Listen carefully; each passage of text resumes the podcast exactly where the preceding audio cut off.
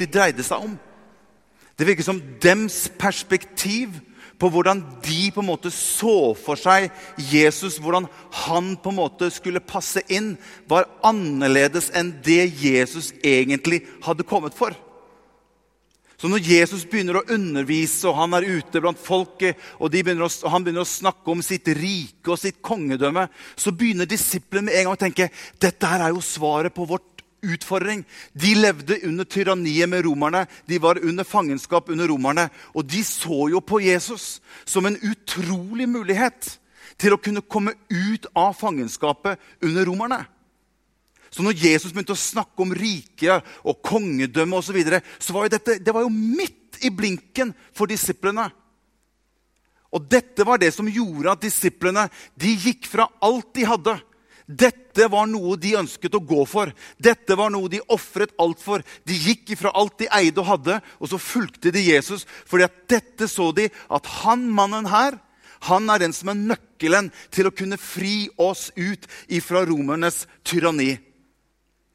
De greide ikke helt å fatte forskjellen. De tenkte ikke på, på, himmelen og på engler og sånne ting når Jesus står og snakker om Guds rike og kongedømmet mitt som skal komme iblant dere. De så jo på Jesus som den kommende konge. Og det var jo så fantastisk å se, for at masse mennesker begynte å følge denne Jesus. Masse mennesker begynte å følge han, og han begynte å få innpass i folket. Overalt hvor Jesus var, så var det alltid masse mennesker. Og de lyttet til hva han hadde å si. Og disiplene var veldig spente og syntes dette var fantastisk spennende. Men likevel så greide de ikke helt å få Jesus sine ord alltid til å passe inn i hvordan de så for seg liksom, hvordan livet kunne være.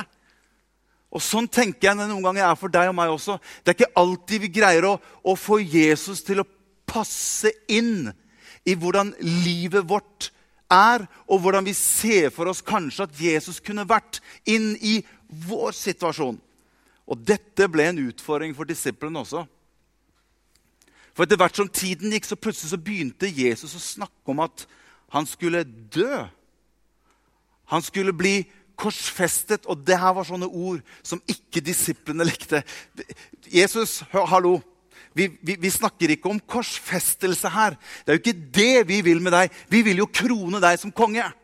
Det er jo det vi skal, Jesus. Det er jo det vi liksom har gitt alt for. Så de begynte å bli smånervøse når Jesus begynte å snakke om at han skulle, han skulle dø. Han, ja, men Jesus, ikke, Du skal jo ikke dø, du skal leve, og vi skal jo sitte sammen med deg. Vi skal jo være en av gutta som skal regjere her i Israel sammen med deg når du blir den store konge. Vi er jo på en revolusjon her, Jesus. Det er jo det det er snakk om. Og så fikk de ikke disse tingene til å passe helt inn i det de hadde tenkt. Og så begynner Jesus å snakke enda mer om dette med at han skulle dø og så begynner tingene å bli vanskeligere og vanskeligere. Og presset på disse gutta begynner å bli tøffere og tøffere. Det var så enkelt når de var ute og det var masse folk og masse fansen av Jesus var rundt omkring. Og det var masse mennesker, og alt gikk tilsynelatende på skinner. Da var det så utrolig enkelt å stå der sammen med Jesus og liksom Jeg er en av de tolv. Skjønner, Jeg er faktisk en som han har valgt ut. Og ja Utenriksminister, kanskje? Det er vel en post jeg kunne tenkt meg. Judas tenkte vel kanskje at eh, Jeg vet ikke hvilken post han tenkte på. Ja, men uh, kanskje noen kunne tenke seg hvilken post han Ja. Så de så for seg noe helt annet enn det som Jesus begynte å snakke om. Og så begynte tingene å stramme seg til. Jesus begynner å komme til det punktet hvor han skal dø. De hadde tenkt å krone han som konge. Han hadde tenkt å dø. Dette matcher ikke i det hele tatt for gutta. Og Det er alltid sånn når tingene blir vanskeligere og tingene blir tøft. Det er da ofte du skiller fansen fra de som virkelig fulgte Jesus. Så folkemengden var liksom litt borte. Det var ikke så veldig mange mennesker rundt omkring lenger. Og tingene strammet seg ordentlig inn for gutta. De var nervøse og redde. Dette kosta litt mer. Og når det ikke gikk sånn som de hadde tenkt De som hadde ofra alt. De som hadde satset alt på ett kort på dette. Og så stemte ikke utfallet på hvordan de hadde tenkt at dette skulle bli. Dette, og da vet vi, det blei litt sverdhogging, og det ble litt banning, og det ble litt voldsomt rundt disiplene i den tiden her hvor de begynte å stramme seg til. Og én etter én begynner å trekke seg tilbake.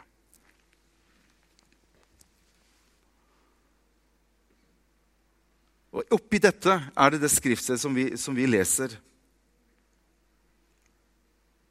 De var forvirret. Jesus hadde dødd på korset. Ting hadde skjedd. Det gikk rykter om at døde mennesker hadde stått opp igjen i etterkant av Jesu oppstandelse. De visste at Jesus var død. De hadde selv tatt Jesus og lagt han i Josef sin grav og svøpt han, og, og, ikke svøpt han, men lagt han i et linklede og lagt han i en grav. Død visste de at han var. Og det som begynner å skje i etterkant, begynner å bli litt nervøst for disiplene. De hadde til og med hørt at forhenget i tempelet hadde røket. Det hadde gått rykter om at dette tempelet, forhenget, som var på en måte skillet mellom Gud og menneske, det hadde røket. De hadde ikke selv vært det, hadde ikke sett det selv, men det hadde gått rykter om at det hadde røket i to. Gutta var forvirret. Men hør, fremdeles så var de gutta til Jesus. De var hans utvalgte disipler. Selv om de følte at det var vanskelig, det var tøft, det var utfordret, og de var forvirret. Enda så var de disiplene til Jesus. Og midt oppi dette kommer Jesus til dem. De hadde låst seg inn, lukket dørene i frykt for jødene, i frykt for livene sine. Og så kommer han. Midt iblant dem. Og jeg syns Jesus er flink på å gjøre entré. Det synes jeg. Det, det, skal han ha. Det der er han dyktig på. Du så jo bare der, det, det, det, stykket vi så her i sted. Eller, nå, nå så, lå han og sov, men den andre, når han, når han kommer gående på vannet, og, folk, og disiplene tror han er et spøkelse. Og de er jo livredde. Og så kommer liksom Jesus, og så bare sånn Frykt ikke. Det er stilig. Det er veldig stilig. Og her, her, sitter disiplene inne på rommet og er livredde, har låst dørene. og De sitter der og redder for sitt liv. Plutselig er det en som bare kjenner en hånd som tar den på skulderen. liksom sånn, Oppi når det er som mest intenst. Bam! Uh! Frykt ikke. Vær ikke redd. Der var det meg. Det, det, er tøft. Det er litt stilig. Han kan gjøre entré inn når, når, når gutta er der. Og jeg tenk på, tenk på den forskjellen mellom disiplenes nervøsitet og frykt for hva skjer nå. Og når kongen i all sin majestet kommer inn i det rommet og sier 'Fred være med dere, gutter'. Det er stor forskjell. Hæ? Og det er han vi har å gjøre med.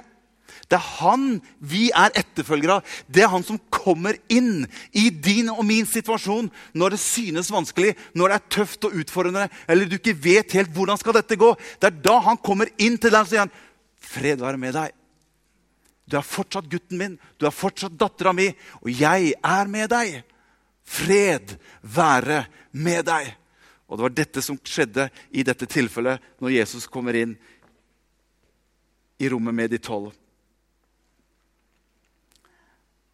Men Thomas, som ble kalt Didemus, og som var en av de tolv, var ikke sammen med dem da Jesus kom. Han mistet det møtet. Han mistet det møtet når Jesus kom og sa 'Fred være med dere'. Og Det er noe av dette som jeg bare helt kort ønsker å dele litt noen tanker med dere i formiddag. For det som jeg syns er så fantastisk med det skriftstedet som vi leser om her, det er at det virker som at Jesus han teller over. Så teller han, kommer han bare til elleve. Men Thomas Tidemus, som var en av de tolv, han var ikke sammen med dem der. Så står det Men åtte dager etterpå så virker det som Jesus Jeg må få tak på Thomas også. Jeg må få tak på han. Og så virker det som at Thomas hadde snakket med disiplene, for disiplene hadde fortalt dette til Thomas. Du skulle jo vært på det møtet. Det var et knallsterkt møte. Noen som hørte det? Du gikk virkelig glipp av et møte. Der gikk du glipp av noe, altså. Ja, ja, synd for deg. Men det møtet skulle du vært på. Men hør Thomas han sto i en situasjon hvor han kjempet en egen kamp med seg selv rundt dette som han sto midt oppi, sammen med de andre gutta så var han så usikker på hva er dette for noe. Jeg får ikke dette til å stemme. Jeg får ikke dette til å gå opp. Hva, hva, hva skal jeg tro på? Skal jeg bare gå blindt for det som de andre sier? Eller hva skal jeg gjøre for noe? Jeg har liksom ikke fått den egne erfaringen av at det som de snakker om, er sant. Ja, men du skulle bare vært på det møtet. Da hadde det gått bra. Men skjønner du, Jesus han var i det rommet hvor Thomas sto og snakket sammen med de andre disiplene og øste ut sin tvil og sin, for, sin, sin forvirring til de andre gutta. Jesus han var der, og han var ikke der, for han var alle steds nærværende. Og Så tar det åtte dager, så kommer Jesus, og så begynner han hele virker som Han hadde ett mål, og det var Thomas.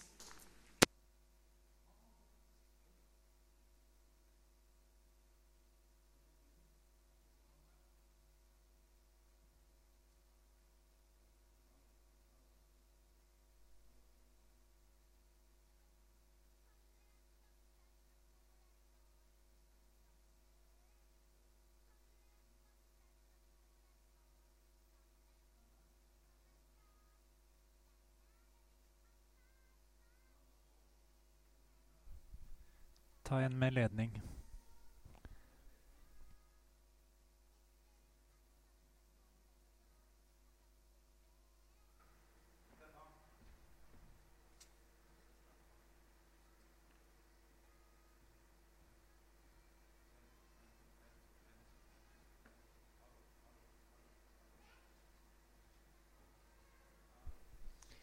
Det er trøbbel med det trådløse. Du må ta en med kabel bak deg.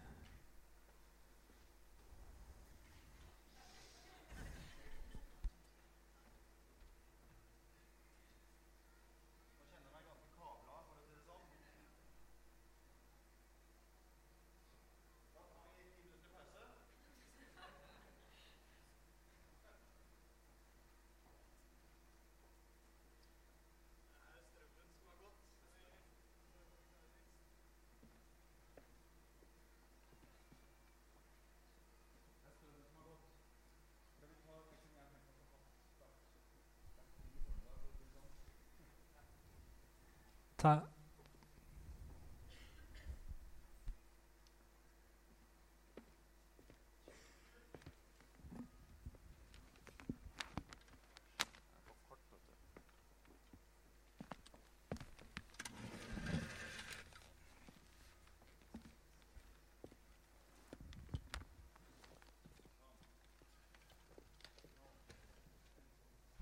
En, to, en, to. Der har vi kabelen på plass. Du verden. Hvor var vi hen? Da hadde kommet til Thomas.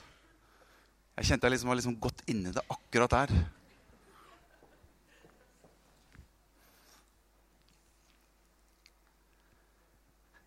Men det virker som om at Jesus han hadde et ønske om å nå Thomas.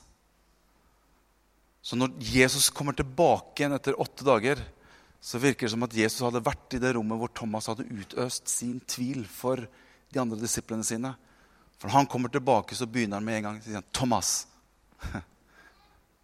jeg er her for deg. Kom, kan du få til å kjenne på naglemerkene i hånden min. Stikk hånden din i siden, og så kjenn. Thomas, jeg ønsker at du også skal få en tro på meg som gjør at du ikke lenger går rundt og tviler så mye. Og Jesus han var på jakt etter Thomas. Og Jeg syns jeg, jeg, jeg, ser en Jesus som er så imøtekommende og som er så raus, og som er så rik, at om han møtte alle de elleve første gangen, så kunne han kanskje ha tenkt at ja, jeg har i hvert fall tatt, nådd elleve av de. Thomas var ikke der. Det får være litt opp til han. Han, kunne, han visste godt at vi hadde samling. Han var ikke der. Men Jesus ønsket å få tak på ham. Han hadde et hjerte for hver eneste en. Og Det er derfor Jesus står at han forlater de 99 for å søke etter den ene. Og så sier han, 'Thomas, kom her. Kjenn.' Og Det virker som på en måte at det skjer noe på en måte i Thomas når han skjønner, og det går opp for han, at det er deg, Jesus. Og der det står han faller på sitt ansikt sier, 'Min Herre, min Gud'. Halleluja. Men det er, noe, det, er, det er, noe, mer i den teksten som jeg har lyst til å bare dele med deg. Har du to minutter til? Det er, skjønner, det er noe i dette som jeg har lyst til å, å, å, dele med deg. For det står veldig klart Det står at 'men Thomas, som ble kalt didomys. Vet du hva ordet didomys betyr? Det betyr tvilling. Men Thomas, som ble kalt Didymus, tvillingen ble han kalt. Og jeg tror det, jeg tror det er litt, når, når, du får sett det ordet tvilling inn i sammenhengen, åssen det står her, så ser jeg at det, det gir en slags form for mening i hva det er Bibelen ønsker å forklare med Thomas, som også ble kalt Didymus, tvillingen. Eh, Psykiatere, eller psykiatrien, den forteller at du og jeg vi består av egentlig to typer mennesker internt i oss sjøl. Vi har den ideelle deg og meg, og så har vi den virkelige deg og meg. Den ideelle deg og meg, det er den vi ønsker at de andre på utsiden skal se. Det er den vi ønsker at de andre skal oppleve når de møter deg og meg. Den virkelige deg og meg, det er den vi går og legger oss med om kvelden. Det er den vi kjenner på hverdagen med. Det er den vi opplever kan oppleve ting som er vanskelig, og det er der den virkelige jeg ligger. Og sånn tror jeg vi er de fleste av oss. Jeg mener Vi kan Jeg har gjort det en gang. Du, du krangler litt i bilen med kona di til du kommer på møte, og så går du ut av bilen og Hei, ja, hei. Ja, her er alt i orden. Sånn, det er ikke noe problem her. God dag. Ja. Og så er den, der, den virkeligheten byttes bare over til den der ideelle delen av deg og meg som vi viser ut til andre mennesker. Men det er, det, det er to ting som irriterer meg noe grenseløst. Hvor jeg får problemer med den ideelle meg og den virkelige meg. Og det ene, det er snikparkering. Altså, det er få ting som trigger meg mer, og som gjør meg mer irritert, enn når jeg merker at det er en sånn kjekkas som på en måte litt sånn på siden, rett foran snuta på meg, og så tar den plassen som det var selvsagt at jeg har stått og ventet faktisk på den plassen. Så kommer den inn rett foran snuta mi. Da er det den virkelige meg begynner å banke på innsida. 'Jeg vil ut.' Ja, 'Ikke ennå. Vi må spille.' Eh, jeg husker én gang. Da holdt den virkelig meg på å komme igjennom. Ut i frihet, holdt jeg på å si. Og Det var bort på Storsenteret, og jeg hadde stått og ventet og ventet. og Det var kø, og så kommer det en sånn kjekkas og legger seg ut til venstre. Når alle vi andre står på linje og han smeller forbi. Og jeg legger meg på Jeg må ikke si til noen, men jeg legger meg på hjul, smetter ut fra Nå, sånt går ikke an! Da skulle jeg ta liksom skjeen i egne hender og rydde opp skikkelig. Så fulgte jeg han og skjønte jeg at han skal jo bare ut.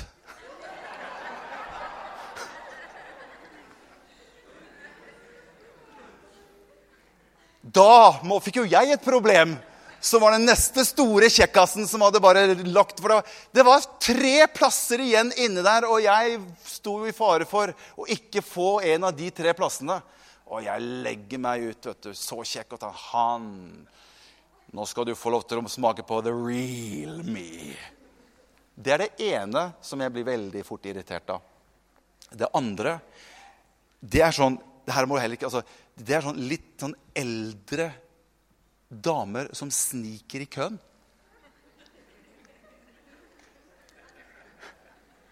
Har du lagt merke til det, gutter? Altså det, det, jeg, vet du hva? jeg har aldri gått rundt og tenkt på at det er et issue. Men, men det går bare opp for meg at litt eldre damer har en tendens til å snike i køen. Og ja, det, altså, jeg, da kjenner jeg liksom Men hei, ja hei, nei.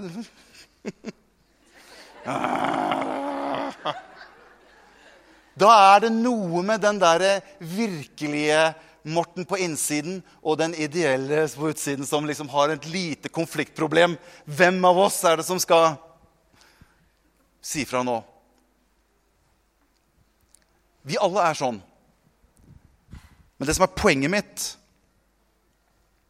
Og jeg har skrevet her Hør, det er visse sider av meg som du ikke får se, og som du ikke får oppleve. Paulus han snakker om at det som jeg ikke vil gjøre, det gjør jeg. Men det som jeg vil gjøre, det gjør jeg ikke. Det vil alltid være en konflikt. Men hør, budskapet mitt i formiddag det er hvis det blir for stor konflikt mellom den ideelle meg, som jeg ønsker at folk på utsiden skal oppleve meg som, og den virkelige meg på innsiden, så er det fare på ferde. Den må ikke bli for stor. For sånn, Vi kristne har ofte en tendens til at vi ønsker på en måte å komme med en sånn en slags form for fasade av at alt står jo bra til. 'Å ja, det er bra med meg.' 'Åssen har det?' 'Å jo, det er bra med meg.' Men det er bare med meg. Men han andre, tvillingen min, han står det ikke så bra til med. Han har faktisk en utfordring for tiden. Han er litt såret. Han er tvilende. Og så mange ting som vi kan oppleve med den virkelige meg, tvillingen din. Og det virker for meg som om at dette er noe som vi alle mennesker til tider sliter med og har som en utfordring i livet vårt. Men jeg tror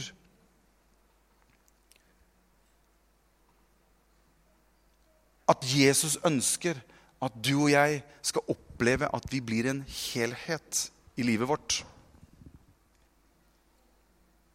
Thomas han tvilte. Han en, det er derfor Thomas ble kalt for Didymus. Han var tvilling.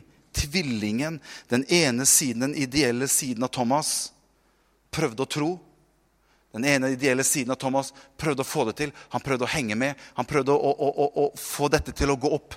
Mens den andre tvillingen hans slet med å tro på dette. Og Det virker som at det var den delen av Thomas som Jesus ønsket å få tak på. Jesus kommer aldri til å, til å velsigne ditt og mitt ytre eller ditt og mitt image. Jesus ønsker alltid å få tak på deg. Den ene tvillingen deg som har det vondt, som har det vanskelig, som opplever at det er tungt, som er såret, som ikke får det til, som syns ting er vanskelig. Det er den delen av deg som Jesus er på jakt etter. Og det virker som at det er dette Jesus prøver å få tak på. Det står at etter åtte dager kom han tilbake og sier Thomas. Den tvilende delen av deg, den ene tvillingen din, ta ham med til meg så skal vi få lov til å Jeg ønsker å røre ved den siden av deg, Thomas, som syns det er vanskelig. Jeg ønsker å røre ved den siden av deg, Thomas, som er såret. Jeg ønsker å røre ved den siden av deg, Thomas, som ikke opplever at du får det til. Jeg kjenner deg så godt, Thomas. Jeg vet så godt hvem du er. Jeg hørte deg når du snakket med de andre gutta om at du hadde vanskelig for å tro. Men likevel, Thomas, så kommer jeg igjen for å prøve å få tak på deg. Thomas, jeg døde ikke for ditt ytre, ikke for ditt ideelle jeg, som du prøver å, å, å vise til andre mennesker, men jeg døde for deg, Thomas. Ditt egentlige Thomas. Den Thomas som gråter på kvelden når han legger seg. Den Thomas som går rundt og kjenner på smerte. Det er den Thomas. Det er den jeg døde for, og det er deg jeg ønsker å nå. Og han Jesus er sikker på hadde ikke Thomas vært der, etter åtte dager så er jeg sikker på det stått etter nye åtte dager så kom Jesus igjen for å få tak på Thomas. Han vil komme igjen og igjen og igjen for å nå deg. Han vil alltid ønske å søke deg. Han vil alltid ønske å få tak på deg. Og jeg har skrevet her begge dere to, du og din tvilling, dere trenger å enes om at Jesus er Herre. Du vil ikke bli virkelig fri før du kan greie å rekke ut hånden mot den andre delen av deg og si nå må vi gjøre noe. Nå trenger vi et møte med Jesus. Du og jeg på innsiden, vi trenger å bli mer ett. Det er for stor avstand mellom hva jeg prøver å, å, å, å vise på utsiden, og hva du føler på innsiden. Det er for stort skille. Jeg greier det ikke mer. Jeg greier ikke å holde oss to i sammen.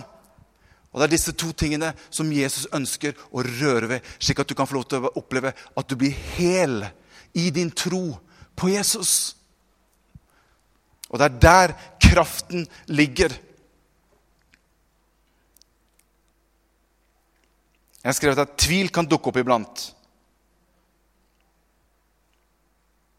Men du kan ikke gå, ut, gå rundt år etter år med tvillingsiden av deg som aldri greier å tro, aldri greier å anerkjenne Jesus som Herre, det vil slite på deg så fælt til slutt at du kommer til å gi opp hvis ikke Jesus får røre ved den siden av deg. Og jeg tror han her er her i formiddag for å røre ved tvillingen din. Ikke fasaden din, men tvillingen din som når deg hver gang du er for deg selv. Når du er alene når du går og legger deg, så er det tvillingen som gjelder. Han ønsker, og hun ønsker Jesus å røre borti. Halleluja. Jeg har skrevet her ikke mer argumentering med hverandre internt. Diskutere med hverandre. Tvile med deg selv. Hvor lenge skal du gå og la usikkerheten inni deg hindre deg i å komme inn i det som Gud har for livet ditt? Og Jesus han sa det, jeg har ikke fått med på, på skjermen, nå har vi ingenting på skjermen, men Jesus han sier at hvert rike som kommer i strid med seg selv, blir lagt øde. Og en by eller et hus som kommer i strid med seg selv, kan ikke bli stående. Du er den eneste som kan gjøre noe med striden i deg selv. Men du kan ta tvillingen din med til Jesus. Og han kommer også til deg for å røre bort i den siden av deg som er vanskelig. Halleluja. Halleluja. Jesus er her.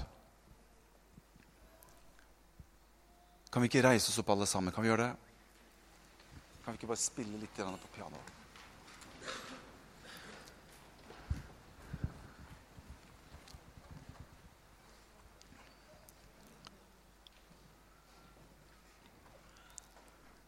Jeg tror vår lovprisning og tilbedelse den blir sann når du og ditt indre er sammen om å tilbe Jesus. Der det står at for slike tilbedere vil Faderen ha tilbedere som tilber i ånd og i sannhet. Det er når du greier å koble på den virkelige deg, få tatt han eller henne med til Jesus, og Jesus får lov til å røre borti tvillingen din, og du kjenner at du begynner å oppleve deg selv som hel i den troen du har på Jesus Kristus, skal du få lov til å kjenne hvilken enorm styrke og glede det er i det. Jesus døde for deg. Jesus døde for deg. Og du har en tvilling som tviler. Ta den tvillingen med til Jesus og la han få lov til å kjenne naglemerken i hendene hans. La han få lov til å stikke hånden i siden. Jesus ønsker ikke at du skal gå rundt og tvile. Han ønsker at du skal få lov til å tro på ham. Av hele deg. Av hele deg. Og Jeg tror Jesus er her i formiddag og taler inn i menneskers liv når du står her. Du vet, for du kjenner deg så godt selv, at det har blitt for stor avstand mellom den ideelle deg og tvillingbroren din eller tvillingsøstera di. Jeg har lyst til at vi skal bare lukke øynene, alle sammen. Vi kjenner Guds ånd virke på mennesker her nå.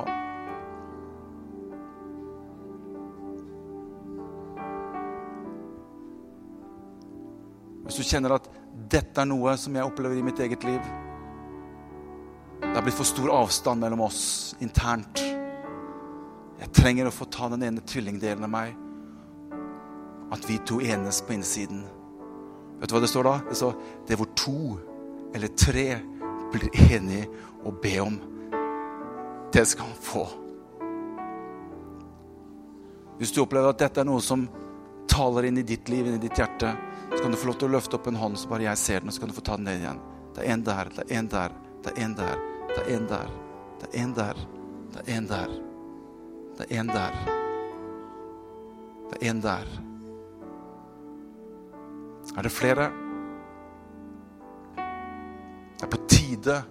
Du har ikke mer tid til å la tingene gå slik som det er nå, for avstanden blir bare større og større. Så er spørsmålet hvilken del av deg skal gå av. Ta det heller med til Jesus, og la han få lov til å røre borti deg. Jesus. Få se en hånd. Flere hender her. Jesus kaller på mennesker. Det er flere hender her. Halleluja. Jesus kommer igjen og kommer igjen. Og hør, hvis ikke du rekker opp hånda i dag, så vil Jesus komme igjen. Han ønsker bare å få tak på deg. Han ønsker bare å få tak på deg. Halleluja. Halleluja. Kjenn hvordan Jesus kaller på menneskers hjerter. Pinsekirken, kjenn hvordan Jesus kaller på menneskers hjerter her. Han drar på mennesker nærmere seg. Å, Jesus. Kan ikke dere som sang i lovsang, kan vi ikke gå med og så synger vi den 'Alltid skal jeg gi deg ære'. Elske deg mer og mer. Så står det 'Her i din nærhet, hvor jeg hører til, fylles jeg med din fred'. Halleluja.